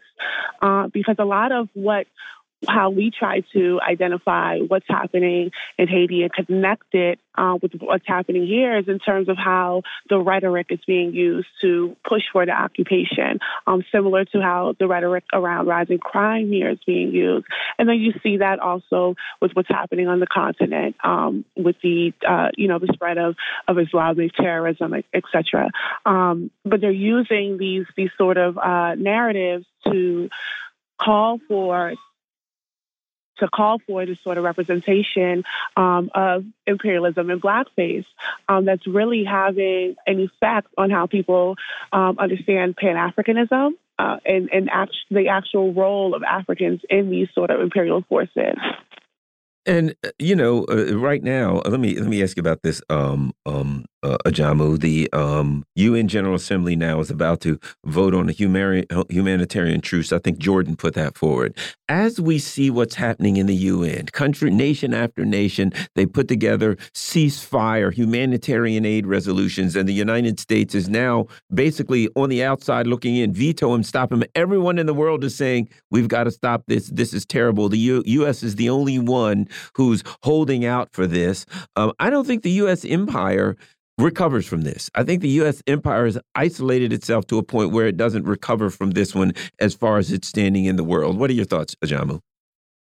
I think you're absolutely correct, and but that makes it the, the empire even more dangerous because there's no pretense toward uh, any adherence to international law or even to their concept of uh, uh uh, international order uh, a rules based uh, order in which they, of course, you know, create the rules and enforce enforce the order. So it's going to be just straight up rogue statism, and that's even more dangerous. And that's why it's important, even with the flaws of the United Nations, it's still important to try to push uh, nations to uh, to operate uh, through that structure and force that structure to adhere to its own procedures and processes, and to remind people that there is something called international law, and that that should be the framework uh, for now until that law is actually changed. Uh, and so, yes, it is a is a reflection of of the uh, dangerous situation we'll face uh, today and as a reflection of the kind of, of lack of strategic vision on the part of the major decision makers in the U.S. Uh, regarding how they uh, how they protect and advance their their interests. Right now, there seems to be a, a consensus uh, around the use of militarism, uh, but that consensus is starting to to to to fray on the edges. But until there's a change, it appears that this commitment to militarism uh, is really uh, counterproductive because, as you said is, is not going to. I don't think they're ever going to recover from this. That they have exposed themselves to the world. It becomes it become even more clear than was uh, just a few weeks ago. Uh, that as long as these Western powers uh, pose this disproportionate power, they they represent an existential threat to all of collective humanity outside of Europe. I, am glad you said that. That really made me think because um, and this is something we talk about a lot. Tony Blinken always uses two, two, two phrases together rules based international order or US led international order. So the argument is we're working to present China could con, could contest a US led Russia all so and so whoever it is could contest a US led rules based international order. After what's happening in the UN right now, there's no argument left for a U.S. led world order. So at that point, exactly what Ajamu said, you just become a rogue state. You just say, we're acting outside of international law, so we're nothing but a, ro a rogue state. And what did Joe Biden say just a couple of days ago? You know, we've been hearing this talk about a new world order, and I think that's accurate. I think it's time for that, and that needs to be led by the United States. Really, Joe? that's what you took away from this? Erica Caines. No, I mean this nation um, and this government has has lost it. I think I think we talked about the sort of uh, psychotic break, uh, but I think I think that that is the what develops out of you know losing its grip um, and becoming an empire. And I agree that they have completely isolated themselves. I mean, one we see it developing obviously with the proxy war in Ukraine, but I think the position taken on Gaza has completely isolated the U.S. Um, in terms of the rest of the world, right? The rest of the world has taken has taken a, very a very firm position um, in defense of uh, Palestine, of Palestine and the Palestinians, and uh, the, the, the president is is denying um, whether or not the numbers of, of people dead are, are actually true. So I think that seeing this um, you know, seeing seeing the manipulation or the attempts to manipulate the masses of people in this country in order to gain favor, to continue um, to allow, uh, you know, weapons uh, to go be shipped around, and these. How many wars is the U.S. involved in currently? Um, so when we look at that, um, you can see that you know it is losing its grip. Um, the the attempts to expand Western hegemony has really um, exposed the U.S and isolated as well. And Ajamu, your thoughts? Joe Biden saying, I, I, I hear you, international world. Yes, we need to have a new world order," which I think was the phrase coined by uh, George H. W. Bush. Uh, and the United States needs to lead it. That sounds like a circular argument to me. Well, look, you know, he can say whatever he wants to say, but basically, the, the prestige and standing of the U.S. is such that uh, they can assert uh, leadership, but leadership has, has pa- is passing from them. And, and that's why they have uh, em, em, embraced militarism, which is their, their last card to play. So it doesn't really matter. I mean, the you know that that that the the horses has left the barn or whatever that phrase is. Mm-hmm. Uh, power shifting away from the West, shifting away from the U.S and there's really not much that they can do besides uh, provoke uh, anarchy.